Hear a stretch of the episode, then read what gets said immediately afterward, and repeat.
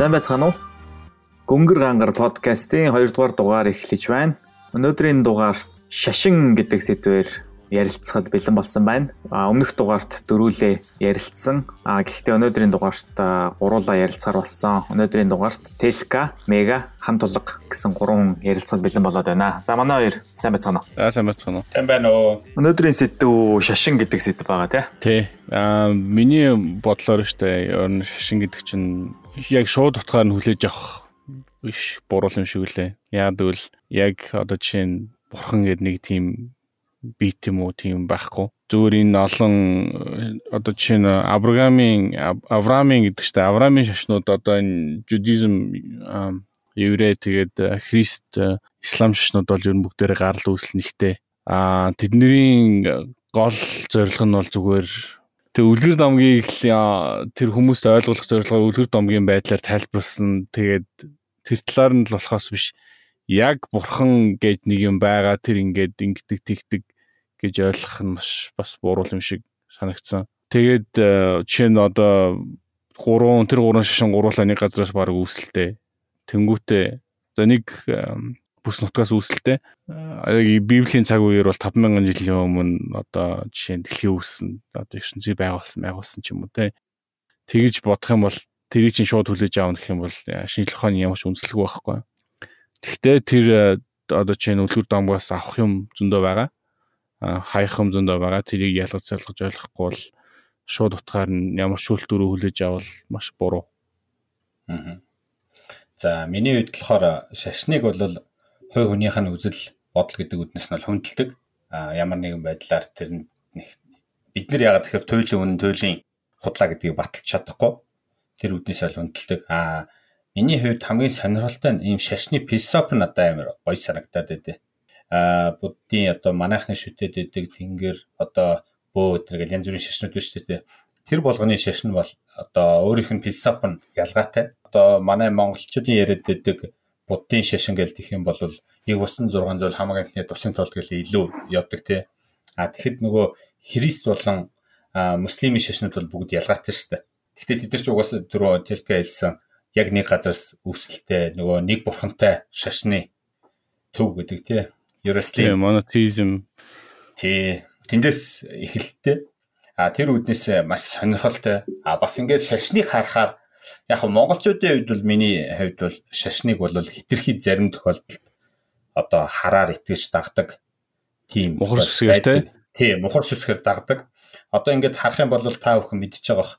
Одоо монголчууд шашны үед та ямар бодолтой байдаг вэ гэх юм бол баг 80 90% нь буддизм гэдэг. А тэгсэн хэрнээ яг ингээ сайн гэдэг юм бол бөө байсан ч очин тэнгэр байсан ч ялгаагүй энэ бүгдийг болохоор яг нэг шашин шиг ойлгоод байгаа байхгүй. Яг нөгөө Монголын улс төрийн бодлого тэр нөгөө баруун зүүн гэж байхад хамаагүй байгаа шиг тэгээд яваад байдаг байхгүй. Тийм юу амьдралын одоо чинь нөгөө баримтлах тийм одоо ёс зүйн луужин гэх юм уу та тэрнээсээ илүү зүгээр юм хэрэгсэл гэж ойлгоод байгаа юу одоо чинь зарим газар бас тэгдэг штэ. Аль нь ч үнэн байж магадгүй. Ер нь бүгдийг л шүтчихээ гээд тэр шиг. Тэгэл тийм жишээ байх уу одоо? Би бол ерөөсөө сонсоогүй юм байна. Тийм байж штэ бүгдийг нь шүтчихээ гэж. Бүгдийг шүтчихээ гэжтэй. Аль нь үнэн мэдэхгүй юм чинь. Тэгэл яг аль нь хэрэгтэй. Одоо чинь тухайн нөхцөл байдлаасаа л гэсэн үг юм байна тий. Тий нөхцөл байдлаасаа болоод жишээ нь одоо а нэг ажил бүтээхэд жишээ нь одоо нэг бөөгийн ийм ном одоо одоо бөөдөр очиод ингэх юм бол бүтдэг гинэ айгу. Тэгвэл бөөдөр очиж тэнгүүтээ а эрүүл мэндийн юу болонгууд ингээд ганданаар ч ном уншуулцдаг гинэ үүдэл очиод уншуулчин тэнгүүтээ одоо чинь христийн ямар нэгэн ном л ч юм уу нэг пастор нь яриад чинь одоо ингээд ингэж итгээд одоо Есүс ингээд аврал ирүүл амьдрал чинь сайхан болно хүмүүлгээр очиод тэгэл тэгчдэг. Тэнгүүт чинь нөгөө чи яг нөгөө яг нөгөө мухар сүсэх болчих жоохгүй тий. Одоо нэг шууд хүлээж аваад авах одоо нэг юм байд юм байна тэнд ингээд итгэх хэвээр. Тэгээ ер нь бол одоо бид нар чинь нүүдэлч нүүдэлчин соёл иргэншилтэй байсан. Одоо 100 одоо 100 жил одоо суурин болоод барыг 100 жил болж штэ тий. Тэрнээс өмнө ч гэсэн одоо чинь нүүдэлчтэй ууг аймагуд одоо чинь исламын шашинд орсон христийн шашинд Нестораны христ байсан ингээд хэрээдүүдийг тэгж ярьдаг ч гэсэн тэр үедээ бол хинч тэр ном одоо судрыг уншиж судалж байгаагүй зүгээр л ийм байт юм байна гэл. Тэгэл тийшээ бид нар тийм бид нар тийм гэд хинч ер нь тэр номын судалж уншиж исэн хүмүүс ер нь баг те. Тэгээд одоо яг ингээд суурин болоод бичвүсэг тайлхтад уншаад эхлэнгүүд дээрийн одоо жишээ нь нүүдэлчд Христ байсан гэж би бол мэдэхгүй байна. Итгэл хэцүү. Зүгээр л ингээл нөгөө нэг өөртөө тавих юм шошго шиг маркийн тий. Яг нөгөө мегагийн хэлдэг шиг одоо би буддист гэдээ хэлсэн. Тэгээд тэр буддизм гэж одоо юу ч юм тэрийг ойлгохгүй мэдэхгүй. Яагаад ислам шашинтай хүмүүс чухал одоо шашинд үнж байгаад байна гэхээр ийм байгаа байхгүй. Тэд нар одоо нэг анханасаа шашны онол нь болохоор одоо өдөр болгон бол бурхны өдөр те. Чи өглөө сэрж байгаа л бурхны өдөр. А дээр нь бурхан бол үргэлж чамтай хамт гэдэг утгаараа нөгөө нэг сайн өдөр гэж байдгүй. Бурхны өгсөн бүх өдөр сайн өдөр. Тий.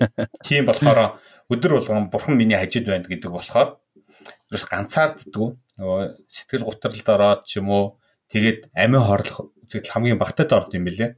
Исламын шашин чинь ер нь жоохон ийм аюултай миний одоо бодлоор яад гэвэл бусад бүх шашны ингэж яадаг вэ? Жишээ нь за яг хаа Есүсийн бурхны илч байсан гэж хүлээн зөвшөөрдөг.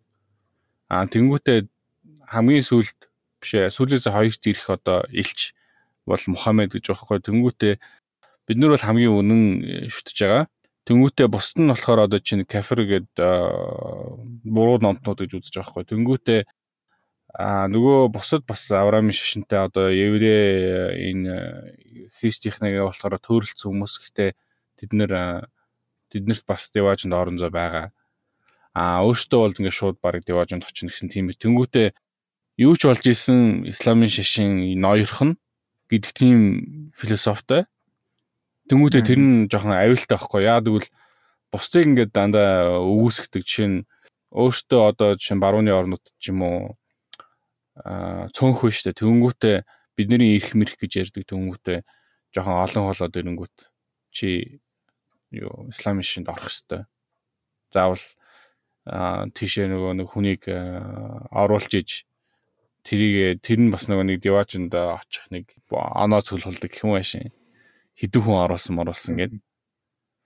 Тэгээд нэг тийм сүлжээний бизнес шиг. Сүлжээний бизнес шиг тийм тэгээд нөгөө нэг анханасаа тэр Мухаммед чинь тиймэрхүү байдлаар аль болох олон хүнийг өөрийнхөө шашинд оруулахын тулд нөө байланд агуулахын тулд угаасаа тэгээ бүтцэн тэгээд хийцэн тийм болохоор одоо болохоор ингээд шууд тэрийг авч хэрэгжүүлэнгүүт одоо өөр хүний санал оноо тимийг ерөөсөө хүлэн зөвшөөрөхгүй байхгүй. Гэтэ яг хав дөнгөтэй цөөнх байх үедээ болохоор одоо би бид нэр ингээ бүх шашны хүндэл мүндэл гэж ярьж байгаа ч гэсэн яг номон дээр бол тэгэл ислам бол сүүлчийн эцсийн шашин. Тэгээд одоо Мухаммедийн дараа дараагийн ирэх элч эренгүүт дэлхий сүн ч юм уу одоо нөгөө нэг шүүлтийн өдөр judgment day гэдэг тий болно гэдэг жаахгүй.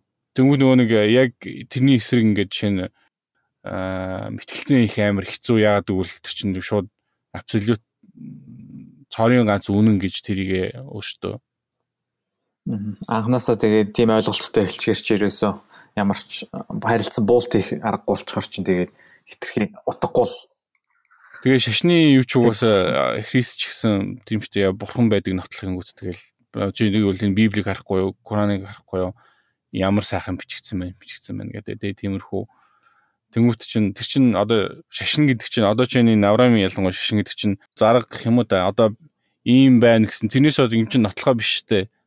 Тэнгүүд нотлохоо нь юу ингэнгүүт энэ ном гэж байгаа байхгүй. Тэнгүүд чинь ном гэдэг чинь зарга нь болохоос биш нотлохоо бол биш. А нөгөө шашныхан хүмүүс болохоор одоо жишээ нь бурхан л ийм юм хэлж чадна. Тэрнээс бол зүгээр энгийн хүмүүс хэлж чадахгүй гэсэн ойлголттой. Ер нь шашинд гүн ороод яах юм бол орсон хүн бол чинь ямар ч шүүмдэл хүлээж авах чадваргүй. Шашин байхаар а яах вэ? Зүгээр нэг өөрийнх нь тэр нэг аливаа үйлдэлийг хит шашинтай холбож ухраар ойлгоогүй байвал харин ч хүмүүс шашинтай байснаар би хоёр зүйл дээр их давуу гэж ойлгодог байхгүй а нэгт нь болохоор одоо хүн чинь өөрөө нийгмийн амьтан а тэгэнгүүтээ хүн яадаг вэ гэхээр аливаа юмд одоо нөгөө буруу зүйл хийдэг ч юм уу те тэр болгон дээр маш том хязгаарлалт болж өгдөг. ядаж байгаль орчиндөө явсан ч гэсэн. Одоо нэг юм савдагтай шүү гэд хэлчихвэл хүн итгээд те савдагтай юм чи оймоо тогтлохгүй ч гэдэг юм уу байгальтай арай ээлтэй бусдад инэрлэлтэй болоод байгаа юм санагдаад байдаг. Нэгт. А хоёрт нь болохоор хүн бас яг адилхан нөгөө нийгмийн амьтан болохоор нийгмийн харилцаанд ороод янз бүрийн байдлаар сэтгэл гутралд ордог шийдэж чадахгүй асуудлуудтай өөрөө тулгардаг те а тэр үедээ ямар нэгэн байдлаар бурхны ном уншуулангууд сэтгэл санааны үед ингээд өөдрөг болчдөг тий. За бурхан цацраад байгаа юм шиг тий. Тий. Бурхан тэгсэн юм чинь одоо энэ асуудал шийдэгчнээ болчихно гэд зарим зүйлийг мартдаг. Магадгүй би нөгөө стресс стрессний эсрэг бас хэрэгтэй юм болов гэж бодоод байд юм бас. Гэхдээ наа чи яг нэг талдаа гэсэн нөгөө талдаа бол бас хүний өөрийн одоо өөр өөртөө эзэн байх талаа энэ бас муутгах жоохгүй яа гэвэл муу юм болонгууд бусдыг буруутгаад сайн болонгууд тий сайн болонгууд бурхан гээл чин бурхан даатглаа гэдэг ч юм уу тий аа за бурханы тааллаар боллоо мэдгүй тэнгуут чин чин тэгээд яг үндэ бол яг үндэ бол тэр чин хүний өөрийн үйлдэлээс л болж байгаа шүү дээ миний одоо бодлоор тэгээд яг хоо сэтгэл санааны тийм сэтгэл санааны хувьд бол тийм ээж болно гэхдээ бурханд одоо чин тиймд итгэж хүчтэй байсан дээр үү эсвэл өөрөө өөртөө итгэж одоо сэтгэл санааны хүчтэй байсан дээр үү? Энийг бол би хувь хүний хувьд бол ингэж бодоод байдیں۔ Хэрвээ чи үнэхээр сэтгэл санааны хувьд хүчтэй өөрөө өөртөө итгэлтэй чадaltaй байх юм бол мэдээж ийм өөр хин нэгэнд итгэл найдар хүлээхээсээ илүү өөртөө итгэж явж болно. А зарим тохиол хүн өөрөө бас яг тийм хүчтэй биш шүү дээ. Тэр утгаараа зарим тохиолдолд бол хэрэгтэй. Гэхдээ яг энэ аргумент бол бурхан чинь одоо шашин байгаагүй нь хамаагүй зөв хүний сэтгэл санаанд яаж нөлөөлж чинь тий. Энтэй бас нэг холбогдолтой гэх юм нэг судалгаа би харсан. Шашин болон боловсрал бол хоорондоо уруу хамааралтай байдаг тийм судалгаа байсан. Өөрөөр хэлбэл боловсролын түвшин өндөр байх тусмаа шашинд итгэх итгэл нь багасдаг. Харин эсвэргээрээ боловсролын түвшин нь багасхын хэрээр шашинд итгэх итгэл нь улмаар нэмэгдэж идэг. Одоо дөрөв хэлсэнчлэн одоо нөгөө мухар сүсгч гэдэг юм уу шашинтай холбогдолтой бөөн итгэл үнэмшил зан үйл одоо холбогдолтой юу вэ? Энд чинь өөрөө асар том агуулгыг дотор багтааж байгаа шүү дээ.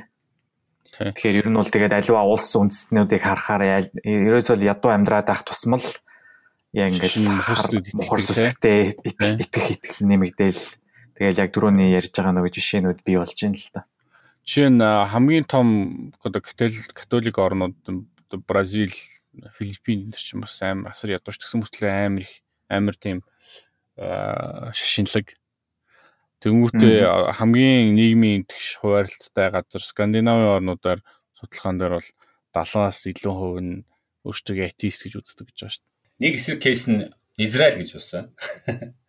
Манай еврейнаар шашин бол маш хүчтэй. Жүүдүүд Джевш одоо тэр ерөн шашинтай бол маш хүчтэй итгэдэг. А улсын хөгжил хийж байгаа үйлдэл одоо тэд нар нь бол мундаг. Тийм. Гэхдээ ийм байна л да нөгөө шашин гэдэг чинь яг бүгд адилхан биш болчиход шүү дээ. Ямар шашин гэдээс шалтгаалаад яагаад гэвэл одоо чинь христийн шашин чинь оноо амар олон урсгалтай. Тэнгүүтээ одоо протестантууд хамгийн баян. Яагаад гэвэл чи энэ насандаа сайхан амьдрах хэвээр а католикт болохоор одоо өөр урсгал дээр одоо чинь дандаа нөгөө хойд амьдралаа бэлдэж байгаа маркер явдаг штэ. Чин ислам шинж гэсэн хойд амьдралдаа чин энэ амьдрал бол зүгээр одоо бурхны бурхнаас өгсөн тийм сорилт. Сорилт. А тий. А дараагийн амьдралаа чи бэлдэж байгаа энэ амьдралаа сайхан юм их өстой. Дөнгөд протестантууд болохоор энэ амьдралаа сайхан амьдрах өстой. Ажиллаж хөдөлмөрлөх өстой гэсэн тийм ном л яваад байгаа байхгүй юу? Тийм буддих төр хүртэл байгаа шүү дээ. Нөгөө урсгалуудаараа одоо нөгөө шүгдэн гişүддэг хүмүүс ч юм болохоор илүү арай өөр эд зүйлийг тий. Аа нөгөө нөгөө хэд нь болохоор одоо нөгөө хойд нас гэж байдаг тий.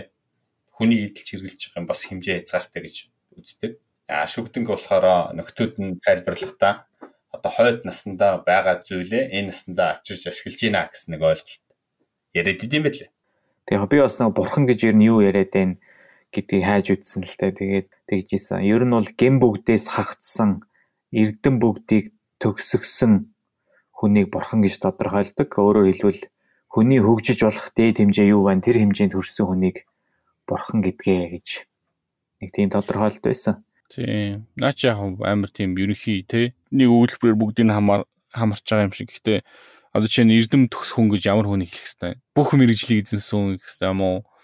Эсвэл тэ нэг мэрэгжилдээ төгсөрсөн хүн юм уу? Нэг мэрэгжилдээ төгсөрсөн хүн юм уу? Тэгээ нэг мэрэгчлэрээ төгсөрнө гэж бас одоо хизээ төгсөрсөн гэж үзэх юм. Тэгэхээр амар дээр үед л одоо чинь нөгөө ном суут алдартай тийм хувилгаан гэж ярьдаг гэснээс одоо тэгвэл одоо тэгвэл яга хувилгаан гэж байхгүй байна. Тэгэхээр энэ шашны одоо чинь юмыг ингэ домгшуулдаг дээр үед тийм байсан. Одоо чинь бас энэ исламын шашин тэгдэхгүй ертөнц одоо нөгөө шүүх шүүх шүүх өдөр гэх юм уу? Шүүгдэлтийн өдөр дөхөх тусам ертөнц дэлхийн өс өнөх дөхөх тусам тарины хүч мууддаг гэдэг нэг тийм юу байдаг хгүй ойлголт. Тэнгүүт дээр үед одоо жишээ дандаа нөгөө тийм янз бүрийн аа Европсын болж исэн юм шиг одоо болохоор болтгоо.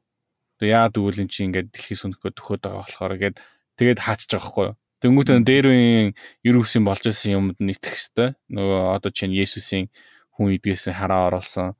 Тэгээд тэрний бол ямар ч юм нотлохоо байхгүй а будын шин ч гэсэн одоо чинь нисдэг нэгээд э, төгсрөөд одоо чинь нөө бясалгалын төгсрөнгүүт ингээд барыг хөвдөг мөвдөг гэдэг штэ агаар дээр. Тэгээ одоо яа байдгүй юм. Ер нь бол тэгээд шашин шинжлэх ухаан гэдэг хоёр чинь бол хоорондоо өрсөлдөгч гэж ойлгоод байгаа шүү дээ. Аливаа ямиг бол шинжлэх ухааны үндэстэйгээр тайлбарлах ер нь бол боломж бол хангалттай байгаа. Гэхдээ мэдээж хүн болгон тэр шинжлэх ухааны ойлголтуудыг бүрэн эзэмшиж, бүрэн ойлгож, мэдрэх тийм бас мэдэх одоо сурах боломжгүй учраас аливаа тэр одоо мэдхгүй зүйлээч гэдэг юм уу те тайлбарлахдаа өөр хийсвэр зүйл ашиглаж тайлбарладаг тэр нь бас нөгөө шашин ч юм уу мухарсгтэй ч юм уу те ямар нэгэн өөр хийсвэр зүйлтэй холбогдуулж тайлбарлах тэр бол ерөөсөө аюу түгээмэл шүү дээ. Бас энэ шашны нэг жоохон аюултай юм болохоор ингэдэг байхгүй. Тиймэрхүү нэг ойролцоо өгүүлбэр бичлээ. байвал Тийм бичигдсэн байвал шууд ингээд нөгөө хүчээр тэрийг ингээд тааруулцдаг. Тийм тэр үед хүмүүс яаж тэгвэл юм мэдчихсэн гээл сая л шинжлэхөө нотолж штэ. Тэгээд яг ингээд ороод үзэнгүүт шал шал өөр юм багхгүй. Тэр ингээд өөрөөр тайлбарлаад хаашаач тайлбарлаж болдог тийм. Ер нь бол улс төрийн зорилготой л бас тий цаана тийм ойлголт гарч ирсэн. Шинжлэхуйн шашин гэж ярьсан дээр бас хэлэхэд шашнаас бол үүдэлтэй ухаанчд бол тэгдэг юм байлээ. Шашнаас үүдэлтэй хүн хүний аим гар цацсан дайн байлдаан бол хүн төрөлхтний дүүхэнд гарч исэн.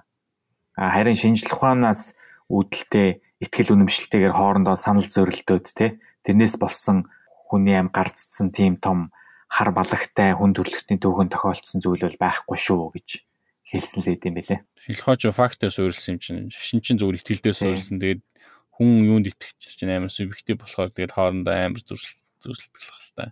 Угаасаа нөгөө хүн төрөлхтний төвхөнтөх хамгийн том масс одоо олон нийтийг хамарсан тийм одоо аллаг гэх нь хайшаа тий тэрийг хийс нөгөө Jim Jones гэдэг үстэй. Бүр Америк дээр арал байгуулад арал дүүр хүнтэй байж байгаа бөөнөрөө орлож өгөхөө тий. Тий. Одоо бүгдээрээ Division руу явна гэн тэгээ бүгдээрээ хор овоод өгтөгөө. Тий. Мань хүн чи өөрөө хамгийн сүлд нь нөгөө баригдах болоод Америкийн нөгөө шүүхээс тэн дээр нөгөө арал дээр нь байсан нэг хүн нэг хүнийг алчдаг билүү. Тэн түүнээс болоод Америкийн шүүх мөхт дуудагдах болоод биш биш болонгууд нь шууд тэр арлах бүх хүнд одоо энэ бол цаг нь болсон гэд нэг бөн бөнөр амиа оролдог. Тэр бас хүний итгэл дээр тоглож хийсэн хамгийн дэлхийн хүн төрлөختийн түүхэнд хамгийн олон хүнийг дор өгчээсэн тийм аллаг гэж ярьд юм бэлээ. Тийм. Тэгэхээр яг хөө зүгээр шашин гэдэг чинь өөрөө нөгөө хүний ингээд нөгөө оюун санаан дээр суурлаад оюун санаад нөлөөлдөг болохоор маш хүчтэй байгаа байхгүй. Тийм хүмүүсийн яг юу сонсох хүсэж чинь тэрийг бас хэлээд тэгээд нөгөө хүмүүс байлдан дагуулдаг те өөрийнхөө харж чинь мормны шашин чинь бол тэрнээс л үсэлт юм бэл штэ. Одоо өмнө зөндөө заллин игээд хүмүүсийг хуурах гэж мөнгө зүнгийн залжижсэн гар тэгээд шашны тим заллин марк юм эхлүүлж байгаа байхгүй. Тэгээд тэр нь амар амжилттай яваад одоо жишээ нь бүхэл бүтэн христийн урсгалын урсгал болцсон том Тэгээ одоо гадуур Монгол ч гэсэн дээр үес ер нь 90-ад оноос хойш зөндөө харж ирсэн 2-2-оор явагддаг. Тий. Тэгээд Америкийн кинон кинон дээр нөгөө хар костюм цагаан цамцтай явж идэг үстэй. Тий, тий. Нэг нэгэндээ э, сануулдаг гэлүү дээ. Тэгээ энд ч гэсэн одоо чинь хаа дэлхийн хаасаг үж гэсэн гээд дандаа нөгөө айлын хаалга тогшоод тэр шиндээ оруулах гээд ярьж идэг. Тэгээд фэйсбүүкийн чинь нөгөө зар маран дээр тий зар маран дээр үнгүү бий бэлгийн бэлгээд Тэнгүүтээ зүгээр хүн ингээд сонирхонгууд шууд амар яриа үүсгээл шууд уулзаад шашинд оруулах зорилготой. Тэнгүүтээ жилийн орлогын 10 заавал өгөх ёстой сүмдээ. Тэнгүүт нөгөө бас итгүүлсэн одоо жишээ нь чи ингээд сүмд өгөх юм бол чиний ажил хэрэг чинь сайн бүтнэ гэд тэгээд нэг талдаа бол яг мохорс монголчиг мохорс тий. Одоо тэр хүний тэгээ шашинт итгэх итгэл үнэмшил ер нь одоо би бий болж бүрэлдэж байгаа процесс байгаа шүү дээ. Тэр ер нь яг яаж явж байна? Ер нь бол одоо хүрээлэн байгаа орчин өсөж торнж байгаа гэр бүлийн тэр аав ээж нь яг ямар ихтгэл үнэмшилтэй тэрнээс л эхэлж байгаа шүү дээ. Тийм хинч ер нь тэгээд шашинтай болж төрөхгүй шүү дээ. Тэгэл ээж аавын хас тий уламжлсан тэр үе байдаг. Тэгээ бас нөгөө юу байд юм шиг анзаарсахад нөгөө сэтгэл санааны хувьд янз бүрийн үе дээр санаад одоо нэг имзэг үе болцсон байхад нь шашны хүн уулзаж яриад нөлөөлдөг ч юм уу тэнгуут нь итгэдэг. А эсвэл зарим хүмүүс өөртөө аливаа зүйл дээр гарц олж чадахгүй тэнгуүтээ энд нэр нь ямар нэг юм нөлөөлөд байна гэсэн бодол төрчтэй юм шиг байна. Зарим тохиолдолд. Тэрнээс бол яг болох байсан гэдэг ч юм уу. Миний бол мэдээгээр Монголд улс төрийн жоохон өндөр алтан тушаалтай хүмүүс бөө болон тиймэрхүү мохросд амар хитгэдэг. Яа тэгвэл яг хөө тийм жоохон эрсдэлтэй карьертэй хүмүүст бол ингээд нөгөө өөрөөс нь хамаарах юм байхгүй. Тэгээд тэр дээр одоо чинь өрсөлдөөн ихтэй үед маш олон одоо бүх хүчин зүйл нөлөөлж штэ. Тэнгүү чи нөгөө өөрөө таал таа таахын аргагүй тийм нөхцөл байдалд орохоор хамгийн эхлээд юу руу ханддаг гэхээр дандаа тийм шашин руу юм бохор шишг рүү ханддаг тарниушуулдаг. Тийм өмнө ажиллаж исэн ажил дээр болоо жишээ нь хүний нөхц рүү Тэгэл нэг ажлаас алах гэсэн чинь шороо мороо цуцчихсэн чинь тийм болж ирсэн шүү дээ. Тэгээд аарц цуугуулдаг тийм чинь Америкийн чин дээр чинь хүртэл бичиг гараа өстэй. Би бол шашинг яг хүн өөрөө аливаа зүйлд итгэл үнэмшилтэй байх тэрийг бол би бол дэмжиж өгдөө. Яг тэр сэтгэл санааны хувьч тэр өөрөө одоо би хүүхдээ одоо сэтгэл санааны хувьд хүчтэй хэн нэгнээс үл хамаарсан тэгж өсгөж чадаагүй бол нэг баг ч гэсэн шашин даатгаа гэж юу зарим зүйлийг одоо нэг өөрөө тэндээс уншиж өөрийнхөө философиг олог гэж бодоод өгдөө. Нэг а хоёрт нь болохоор яг хүн өөрөө юм итгэл үнэмшилтэй байгаад байж болно. А гагцуу миний жоохон гайхаад байдаг зүйл нь хүмүүс монголчуудын үед би яриад шүү дээ. Монголчууд маань а будда сайн гिचээд одоо бөөдөр очиод идэг ч юм уу тий. А манай Чингис хаан чинь бөөгн шашинтай гэдэг яг үүндээ Чингис хаан чинь бөө биш. А нөгөө тип тэнгэр гээд бөөтэй байж байгаа. Тэрийг өөрөө баг а байхгүй болгоод тэнгэр шүтдэг болсон шүү дээ. Тэгэхээр бид нар өөрсдөө яг ямар шашинтай бид нар бид нар өөрсдөө мэддгүү.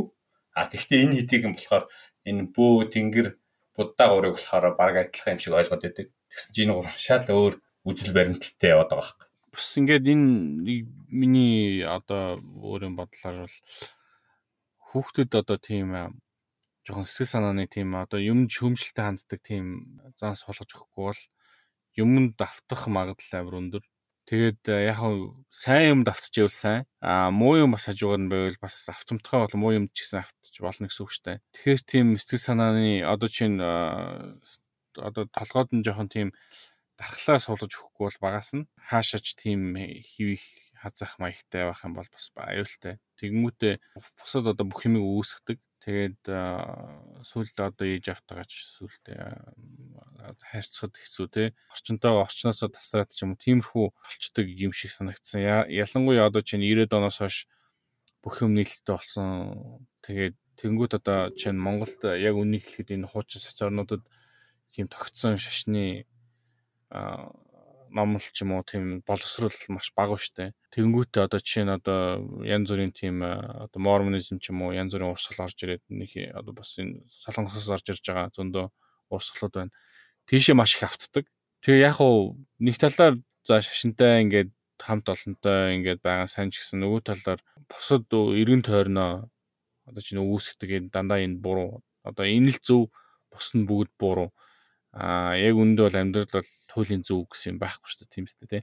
Тэгэхээр түрүүний нөгөө хэлсэн нөгөө боловсрал нь муудаад эхлэхээр нөгөө гадны түрүүний хэлсэн нөгөө солонгосын шашин ч гэдэг юм өөр барууны элдв янзын урсгалууд орж ирээд манай ард иргэдийн дунд янз бүрийн үзэл бодол тархаж байгаа нь бол угаасаа тодлоо байгаа шүү дээ. Гэр ороолоор дүүрэн л гадны одоо сүмүүд бий болцсон л байгаа шүү дээ.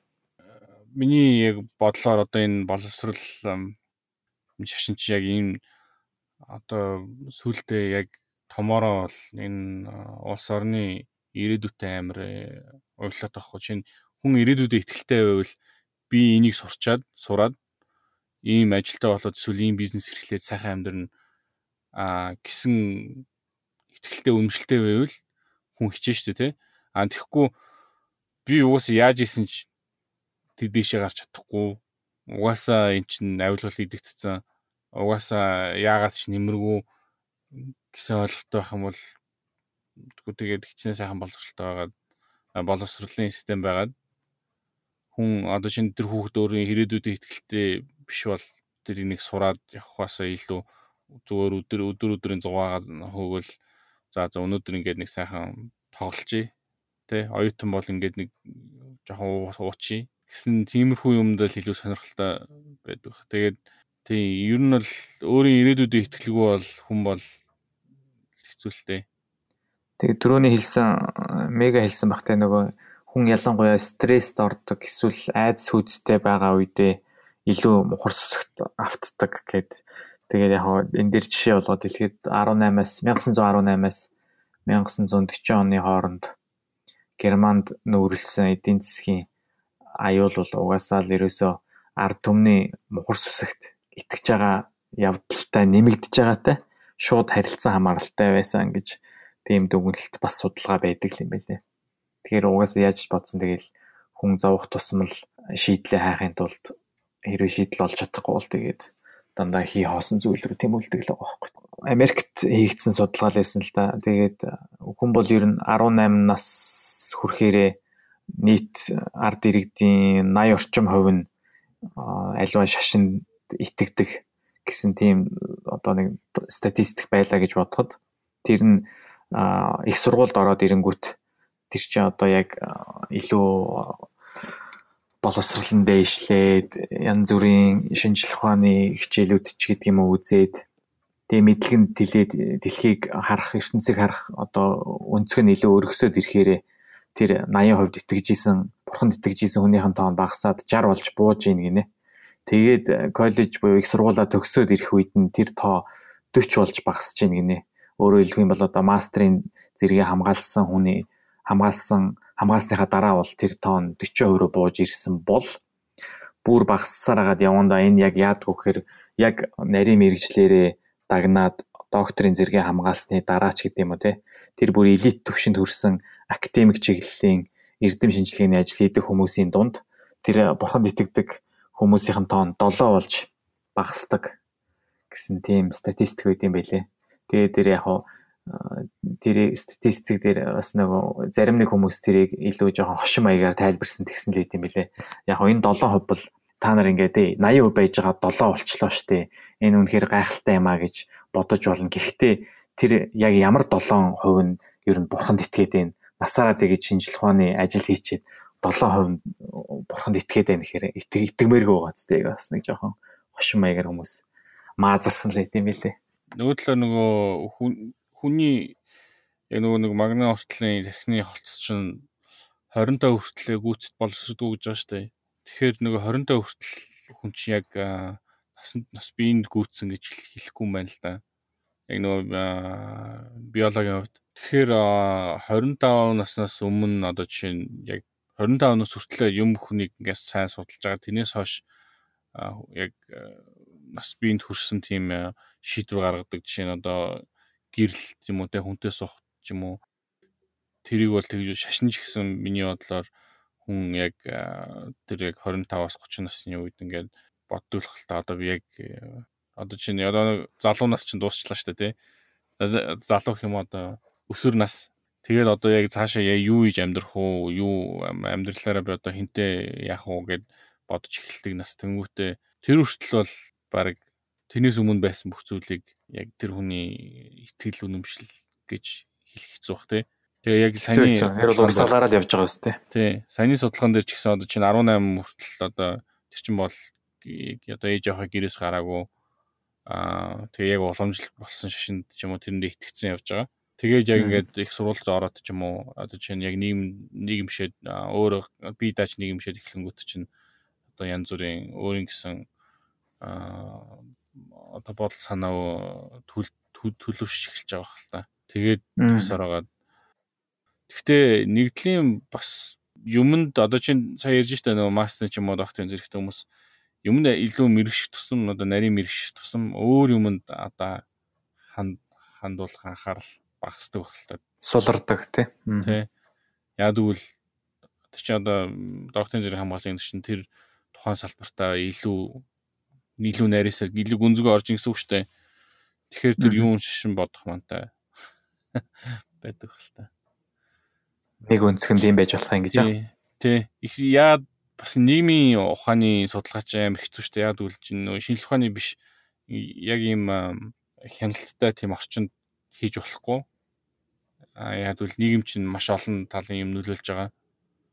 Тэгэхээр одоо жишээ нь саяны судалгаан дээр бол жишээ нь яг тэр хүмүүс бүгдээрээ нэг нь яг нэг нэг орчинд яг ингээд ялгаж талах ялгаж цалах тийм өөр өөр орчинд тэгээд энэ ялгаа нь юм байна гэж хэлэх амар хэцүү байхгүй. Тэгэхээр заавал тэнд нөгөө нэг судалгааны алдаа одоо статистикийн алдаа байгаа.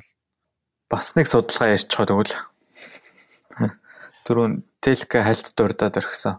19 онд хийгдсэн. Гэхдээ яг үр дүн сая 2020 оны 7 сар зарлагдсан юм байлээ. Америкт төвтэй Pew гэдэг нэртэй судалгааны төвөөс 34 орны 38426 хүний дунд хийсэн судалгаа байсан. Тэгээ яг дөрөв телка хальт дурдсан Скандинавын жишээ нь Швед бол дотоодын нийт бүтээгдэхүүн нь 19 онд 55 мянган доллар байсан. А тэгээд нийт судалгаанд оролцсон иргэдийн 9% нь л суртахуунтай байхад бурхан чухал үүрэгтэй гэж хариулсан. Өөрөөр хэлбэл одоо бурханд илүү итгэж ийн гэсэн үг шүү дээ. Тэгэхээр дөнгөж 9% л тэгсэн. Харин эсэргээрээ дотоодын нийт бүтээгдэхүүн нь 19 онд 4500 доллар байсан. Кен улсын хувьд гэхэд нийт оролцсон хүний 95% нь бурханд итгэдэг буюу одоо суртахуунтай байхад бурхан нөлөөлдгөө гэж хариулсан байгаа. Тэгээ яг миний харж ирсэн хамгийн сонирхолтой үр дүн гэх юм бол энэ судалгааг бас 2002 онд хийж исэн юм байлээ. Тэгээд өөрөөр хэлбэл 2002 оноос 19 онд гарсан өөрчлөлтийг нь авч үзэх юм бол Орос улс 2002 онд 26% байсан бол 19 онд 37% болж 11%-аар ард түмний бурханд итгэлэндээ нэмэгдсэн. А тэгээ Япон бас 29%-аас 39 болж 10%-аар нэмэгдсэн. А харин буурсан орнууд гэх юм бол Солонгос улс. Гэхдээ энэ бүгд найрамдах Солонгос улс, өмнөд Солонгос улс 56%-аас 45 болж 11%-аар буурсан. А бас Америк 58-аас 44% болж бурханд итгэх итгэл нь буурсан байсан. Тий. Яа нөгөө мохор сүсгийн зөндөө эдгэгч гарч ирсэн штэ. Аа ялангуяа энтэгт миний сонссноор өхрийн шээс нь эдгээдэг. Тэгээд Америк нөгөө нэг яа коронавиг бурхны салхиар үлээн гээд нэг нөгөө теле evangelist гэдэг нөгөө христийн одоо нэг урсгал аа баг Америкт хамгийн томнохоо 30% нь Америкийн хүн амын 30% нь өөрсдөө evangelist гэж үздэг. Тэрний нэг э, пастор нь 300 сая доллартай долларын 100 100 саятан гэх юм ааши. Зөвхөн тэр э, пастор хийж олсон. Тэгээд тэр чинь бас нөгөө корона гэдгийг э, арилгах нэгэд хүмүүсийг бас нэлээд шуугуулсан. Тэгээд нөгөө сүм хийдэг нэ хүмүүс суглах хэвээр бурхан байхад айх юм байхгүй. Бүгд найрамдагчуд нь давмгаалсан мужуудад болохоор ерөнхийх нь нэ гэсэн тийм хандлагатай байсан шүү дээ. Монголд бас одоо сүүлийн үед орж ирж байгаа шашнаас харах юм бол а одоо нөгөө бясалгалын Чанхай гэдэг лөө. Чанхай багш гээд Supreme Leader тэр их одоо Монголд нэлээ хүчтэй яваад байгаа шиг харагдсан. Тийм тэгээд тэр нь болохоор илүү ингээд нөгөө бясалгалдаг, бясалгадаг ерөөс туйлын зорилго нь гэгээр гэгээр л төрөх замыг гэгэрсэн хүн л заадаг тий тэр замаар гэгэрэлт нэ. Тэгээд тэр тэр хүн чинь одоо гэгэрсэн юм уу те? Ер нь бол гэгэрсэн гэж хүн гэж үздэг юм билээ. Өөрийгөө. Тэгэнгүүтээ одоо гэгэрсэн хүмүүс гингүүтээ тэдний бас нэг онцлог нь одоо бусад шашны хүмүүс шүү дээ тий. Иесус Христ, Мухаммед энэ хүмүүс бол цаг хугацаа орон зай хувьд өөр өөр газар төрсэн гэгэрсэн хүмүүсээ гэж хэлдэг юм байлээ. Яг үүсэхгүй тэгээд бүгдийг аваад ингээд одоо өөртөө наан гэдэг шиг шингээдэг. Японы шинтоизм чинь бас ер нь сонирхолтой тийм жоохон тийм прагматик маркийн янз бүрийн шашныг өөртөө нааж болдог. Яг нөгөө шинто буддизм гэх юм уу холцсон. Тэнгүүтээ одоо шинтоизм чинь хүн чинь христчиж болно. Муслим за Япон муслим. Гэтэ муслим бас Япон муслим бас байдаг штэ ислам ислам шинтэй хүмүүс. Тийм байж болно. Гэтэ шинтоизм байнга гэд явж идэг. Шинтоизм чинь бол нөгөө нэг юм болгонд бурхан байд гэж итгэдэг жишээ нь баг орцсны бурхан, гар утасны бурхан. Тэр чинь нөгөө ийм анханасаа суурилсан ойлголт нь тийм жоохон юм болгондоо хувьсаад ингээд яваад хуучрахгүй яваад иж болдог. Аа нөгөө талаа нөгөө нэг жоохон догма юм ингээд хатуу цашимд суурилсан шашнуудын чинь дандаа одоо хөгжил аа дэвшлийг үүсгэж идэг чи дээр одоо жишээ шашны номнууд дээр байгааг за нь одоо ижил хүстэй хүн ижил хүснүүдийг үүсгдэг те? Энэ нэг нүүлж үздэг а яг шинжлэх ухаанаар баталсан шүү дээ. Ижил хүсн чинь байгаль байд юм байна. Амьтнуудын хооронд дундч байд юм байна. Энэ бол одоо байгалийн нэг үзэгдэл болчиход байгаа хгүй те. Тэнгүүт одоо догмо суурилсан шашнанд бол шууд тэрий чинь үүсгээд шашин давамгаалсан улсуудад бол шууд баг гимт хэрэг болгоод Иранд бол баг баг чижтэй цаазаар авч байгаа шүү дээ А тэгэхэд шинтоизм чи ингээд тийм хувьсах юутай тэнгууд амар тийм прагматик болчих жоохгүй. Тэгээ нэг талдаа яг тэр нөгөө нэг шашны шашин болгон ч өөр нэг нэгэн давуу талаа нэгэн сул талтай гэдэг шиг а Японы шинтоизм чи жоохон дайм давуу болчих жоохгүй. Яг тэгвэл хүний нэг юм нь байртгүй. А шин одоо чинь шинжлэх ухааны нээлт нийгмийн ойлголт одоо чинь шинээр одоо юм гарч ирэх тэрийг өөртөө шингээгээд хувьсаж яваад идэг. Тэгээд нөгөө догмод суурилсан шнүүд бол ялангуяа аа тэр нь бичигдсэн номлолыг шууд хүлээж авдаг одоо энэ буруу гэж хүлээж авдаг. Тэгээд тэр нь яг тэр нөгөө эдийн засгийн хөгжилтэйгээ бол уялдаатай бах. Яг тэгвэл шинэ юмыг хүлээж авах шингээж авах тийм сэтгхүү байхгүй. Еврей надад бас их санагдсан. Тэнтгийнхэн шашиндаа маш хүчтэй итгэдэг. А итгэхийнхээ шашинтах тэр нөгөө одоо ихтгэл үнэрсэн маш хүчтэй өөр гайхалтай хүчтэй юм билээ. Гэтэ тэнд бас хүмүүс аа одоо жишээ нь хүчтэй итгэдэг дуун зэргийн итгэдэг сул итгэдэг гэж бас байдаг юм л шүү дээ. Харин байдаг. Одоо жишээ нь өмсөн зүйлээс амтшгүй. Тий, ортодокс нь бол яг тэр нөгөө нэг фанатууд байгаа байхгүй. Өсөө хоёр талаар урт дургуулсан хар юм өмсдөг тий. Тий. Тэгээд орчин юу хүлэн зөвшөөрдөг тийм тэгээд тэднийг тэр их их еврейчүүд чинь тэднийг бас э, нэг сайн таатаа хүлээж авдаг юм л шүү дээ. Үгүй хэдийгээр тэгдэгч гэсэн а тэр нь өөр нэг амьдралын хэм маяг болоод орцсон. Жишээ нь иддэг хоол нь зөвхөн тэр эзэн зөвхөн нөгөө фьюжн гэдэг нэг хоол иддэг шүү дээ. Одоо нөгөө халаал хоол гэдэг шиг еврей хүмүүс иддэг.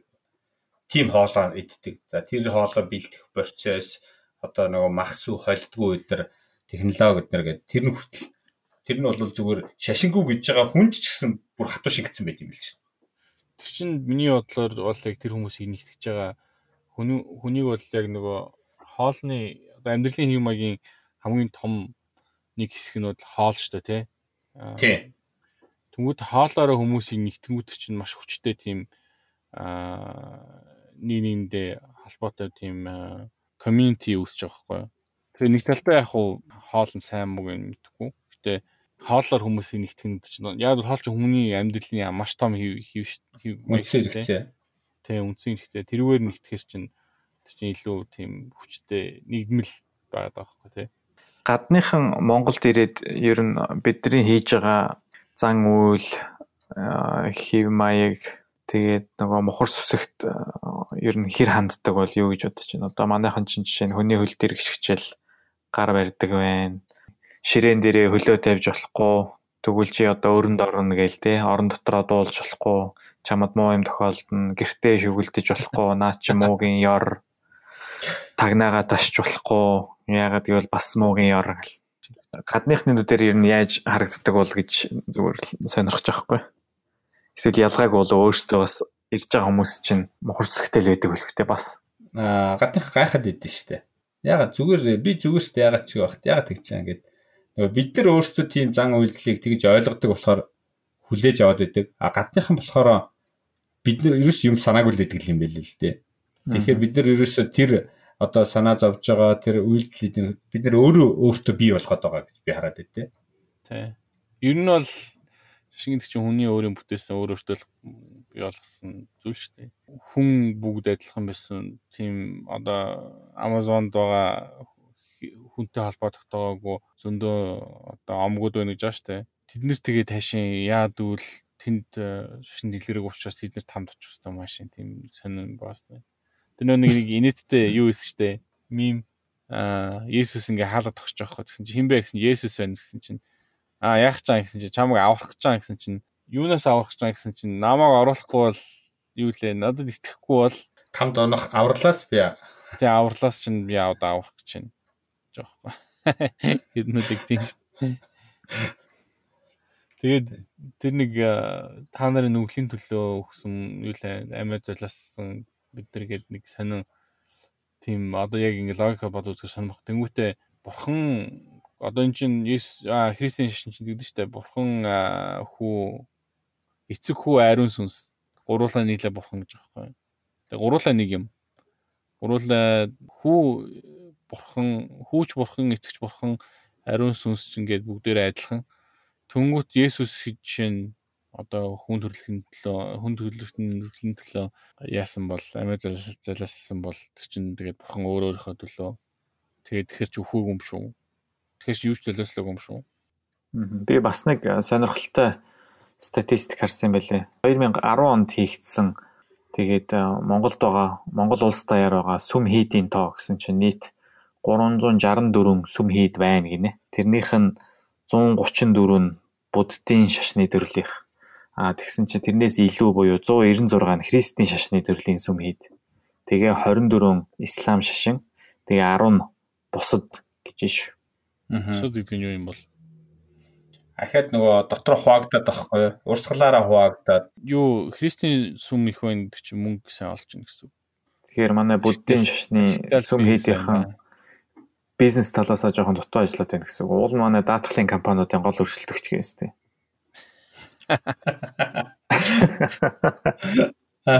Үнэ үнэ. Энэ шашин номлол түгээгч нарын статистикийг харахаар улсын хэмжээнд 1321 буддын шашин түгээгч байна гинэ. Тэгээд тэрний дараа нь хэр дөнгөж 202 нь христийн шашны номлол түгээгч хэр чи аргагүй 1100-аар шахуу илүү байна л та. Гэтэ яг энэ бол жоохон 10 оны тоо штэ 10 жилийн өмнөхтэй хуучирсан. А тэгэнгүүт шашин шүтгчдийн тоо гэж авч үзсэн чинь а буддын шашин шүтгэгчдийн тоо 53%. А тэгээд шүтлэггүй гэж өөрийгөө хэлсэн хүн 38%. Тэгээд тэрний дараа нь 2.9% нь бөө 2.1% нь христийн шашин тэгээд лалын исламын шашин шүтж байгаа 3% аа л гэж хэлсэн байна. Тэр чинь яг нөгөө Монгол казагуудын тоог шууд тавьчих юм шүү.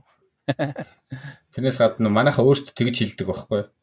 Би буддист гэж цаана болол ямар ч үеч болно. Тухайн үедээ Прагматик. Чи нөгөө итгэхэд байна л да тэр нэг нэг юм байгаа гэдэг тэр мэг хэлсэн шиг яг нөгөө нэг философи талаас ч юм уу гүнхэн ойлголт амьдралын юм маяг талаас үзэхгүй. Энд чинь нэг юм хэрэгсэл болчиход шүү дээ. Яг даатгал гэдэг шиг тгийж хүлээж аваад байна. Тэгээд тэр нь сайн юм уу муу юм уу бол мэдэхгүй. Төрөний нөгөө нэг дурдсан ёс зүйтэй байх шашинтай холбоотой холбоогүйгээд судалгаа хийсэн шүү дээ. Нэг Африкийн орнууд, Скандинавын орнууд. Тийм тэр ойлголт бас амар сонирмоос та жишээ нь ташин байхгүйсэн бол чи тэгээ одоо тийм ёсгүй юм хийх байсан юм уу а тэгвэл ягаад э, шашингүй орнууд одоо шашингүй мөртлөө эдийн засгийн хөгжил нь сайн э, за жишээ нь наад захын хог хог баг хайдаг э, орчин цэвэрхэн газар шашингүй байгаа. Тэр хүмүүс сайн хүмүүс болохоор тэгж юм уу? Тэр сонирм бас тэгэхээр чин миний бодлоор бол хүн төрөлхийн сайн муу ялгадаг чадртай Тэр нь бол шашин шашинтай шашин шашинг нь хамаагүй. Тийм нийгмийн нийгэм нийгмээсээ тийм байдаг гэж боддог. Тэгээд жишээ нь шашиннаас айгаад муу юм хийхгүй байна гэдэг чинь тэр хүн тэгээд нэг өдөр жишээ нь шашин итгэхээ болох юм бол тэгээд таашин шууд муу юм хийгээд эхлэх юм уу? Тэгэхээр бас э, сонирм тээ. Ер нь бол эргэлзээтэй асуудал зөндөлтэй тий. Тэг ямар сайн дэ нөгөө шинжлэх ухаанч алдартай шинжлэх ухаанч Стивен Хокинг тэгээд нөгөө Альберт Эйнштейн эдгээр чинь бол угаасаа бурхан бол за бараг л байхгүй дээ. Бурхан гэж бол бараг байхгүй дээ л гээд. Тэгээд тэрийг олгоод нөгөө ертөнц юунаас үүсч бий болсон гэдэг онлоороо батлах гэж хичээдэг те. Сансар огт руу ороод ирэнгүүт чинь Аа тийм тэгэнгүүт угаасаа бүх юм тийм бүх юм алдагдаад эхэлдэг үстэй. Харин тийм. Тэгэхээр одоо чинь шал өөр ертөнц яваад эхэлтэй. Бурхын тоосны жоохон эсдэг дээр заавал тэн тэн заавал бурхан ирээд тийшээ ирээд тэнд харуулаад одоо жишээ нь би одоо юу гэдэг чинь надаа ингээд ямар нэгэн байдлаар зовлон учрлаа гэж бодох тий. Тэгээ одоо бурхан буддаа манж гэдэг юм ингээл би одоо үнэн сэтгэлээсээ сүсгэлээл залбираал тий. Ингээл аврал ирээл тэгэж одоо зан үйл үйлдлээ гэж бодоход би яага заавал буддааг дуудаж байгаа тий. Тэр үед одоо нөгөө бусад нөгөө бурхтууд Христ ч юм уу бусад бурхтууд нь завгүй байсан юм уу? Яага заавал тэр бурхан ирж байгаа ч гэдэг юм уу? Бас нэг тиймэрхүү сонин өнцгүүд бас байдаг юм билээ. Гэхдээ бас нэг ийм ойлголт байна ш нөгөө хүний бие гэдэг чинь өөрөө миний одоо тэр нэг шашнуудаас хараад байна. Яагаад хүмүүс итгэдэг гэхээр нөгөө хүний бие өөрөө гайхамшигтай бүтээл гэж байгаа шүү дээ өөрөө өөрийгөө идгээдэг, имчилдэг, хийх одоо идгэж шүү дээ. Тэгээ энэ бүх одоо идгээдэг тэр гормонч байд юм уу, эсч байд юм уу тэр бүх нэг сэтгэл санаатай холбогдож үүсээд одоо өдөөгддөг, итвчдэг тийм юмуд байдаг юм байна л да. Тэгээ яг үүнээсээ үүдээд одоо итгэл өнөмшил тэрэн дээр нь итвчээд одоо тухайн бие одоо болж гинэ, бүтэж гинэ гэд бодохоор идэгдэг. Тиймэрхүү юм бас энэ шашин дээр бас их нөлөөлөд байд юм шиг байна хүн угаасаа сэтгэлийн амтан л гэж ярьдаг шүү дээ. Сэтгэл санаагаар өдрөө байгаа л тэгэл дороо идэгчдэг ч юм уу. Тэгээ сэтгэлээр унах тусам л сэтгэл санаа өдөр байх юм бол тэр бас том нөлөө үзүүлэлт гэж хөдөлсөж хүрдэл юм байна. Тэр чинь нөө хүн чинь тэгээд угаасаа эсэс бүтэж байгаа. Тэгээд эс чинь тэгээд молекулээс бүтэж байгаа. Тэгээд тэр бүхэн чинь одоо чинь хүн хүний тархины одоо сайн эсвэл санаа өөдрөг байх юм бол тэр тархинд болж байгаа химийн процесс чинь нэг өөрөөр ажиллана. Тэрнтэйгээ нөлөөгөл хүний бие чинь бас нэг өөрөөр одоо үйлдэл үзүүлнэ. Чин ялангуяа одоо жишээ нь цэг суухаас эхлүүлээд чинь амар том нөлөөд юм билээ шүү дээ. Сүүлийн үед нэг миний нэг ажигласан зүйл гэх юм бол одоо ерөөсөө том том бизнес төлөөлөгчд амжилттай яваа хүмүүс ч гэдэг юм уу те тэдний ингээд түүхийг сонсоод байхад аа сонсож байхад ихэнх нь л ер нь тэгдэг болцсон байна. Ер нь бол одоо өөр өөрийгөө өөр өөрийнхөө амар амгаланг олохын тулд бясалгадаг болсон л гэж ярьж байна те. Тэнгүүд бясалгалч явж явж нөгөө буддын шашинтай шууд холбогддог. Тэнгүүд нөгөө бусад шашинд бол ерөөсөө бясалгалын талаар одоо би бол яг сайн мэдэхгүй байдаг ч юм уу байдгүй ч юм уу. Тэгэхээр бас тодорхой хэмжээгээр нөгөө буддын шашин нь манай монголчууд явд нөгөө дийлэнх нь илүү ойрхон байдаг гэдэг утгаараа бясалгал гэдэг бол ерөөсөө л яг одоо одоо одоогийн цаг мөчид яг амьдрах өөрийгөө тайвшруулах тэр талаараа бол ерөөсөө л шилэгдмэл арга юм байна гэдгийг нь бол ойлгоо. Тэгээд нөгөө дэлхийн алдартнууд ч хүртэл тэрийг ингээд ойлгоод дагаад эхэлчихлээ шүү дээ. Тэр бол их сонирхолтой санагдаад байна. Сол энэ чи ер нь яг нэг оюун санаанаа амраах юм шүү дээ. Яг юу ч бодохгүй байх. Ерөөсөө бясалгал чинь ингэдэг л юм л дээ. Бас бясалгах баахан судлаад унсан чинь хүн өөрөө өөрийн мэдлгүй хийдэг зүйлсүүд байгаа шүү дээ. Одоо 5 мэдрэхүү гэдэг тийм үү? Амьсгалах бүхэн амьсгалах үзэх харах бид нар хизээч харж байгаа зүйлээ өөр болгож харж чадахгүй тий. Хизээч бид нар амьсгалж байгаа үнэрлж байгаа юм өөр гэж үнэрлж чадахгүй. Яг энэ шиг өөрчилж чаддаг. А тэгэхэд амьсгал гэдэг зүйл нь болохоор хүн өөрөө ингээд нөгөө гүнзгий амьсгаа авдаг, богинохоо авдаг иймэрхүү байдлаар удирдах болдог human instinct гэж байгаа байхгүй. Тэгээд тийм болохоор яг тэрүүгээрээ хүн ингээд а одоо ганц удирдах чаддаг тийм үү. Жохо удаан байрч чадна. За тэгэнгүүт нөгөө цусны хэмнэл өөрчлөгдөх одоо зүрхний цохилт өөрчлөгдөх ч юм уу тий. Тэгж чаддаг ганц зүйл гэж байгаа. Тэгэхээр яг энэ үднэр нөгөө амьсгалаараа зөв амьсгалаад өөрийнхөө бие сэтгэл санааг хамрааж өөрчилж чаддаг нэг зүйл болохоор бясалгал гэж үздэг юм байлээ. Бас одоо нэг Авраамийн шишнүүд гэдэг энэ шишнүүд дотор нөгөө мацаг барих гэдэг байгаа штэ. Тэр чинь яг мацаг барьж явах үедээ бас нөгөө сэтгэл санаагаа амраагаад юм ганцаараа байгаад их хэвээр гэсэн тийм тэр нь одоо тэнэг бясгал гэсэн шийдэл байсан юм болов? Тий. Одоо тэгэл нөгөө Рамадан сар марч бас сайн шүү дээ, Исламын шашны. Рамадан чинь ер нь одоо бол ингээд нөгөө нэг нар нартаа байхад идэхгүй гэдэг байгаа болохоос шүү дээ. Ирээд бол бүтэн мацаг өрдөг гэсэн юм билээ шүү дээ. Яг нөгөө нэг ном ёсороо бол.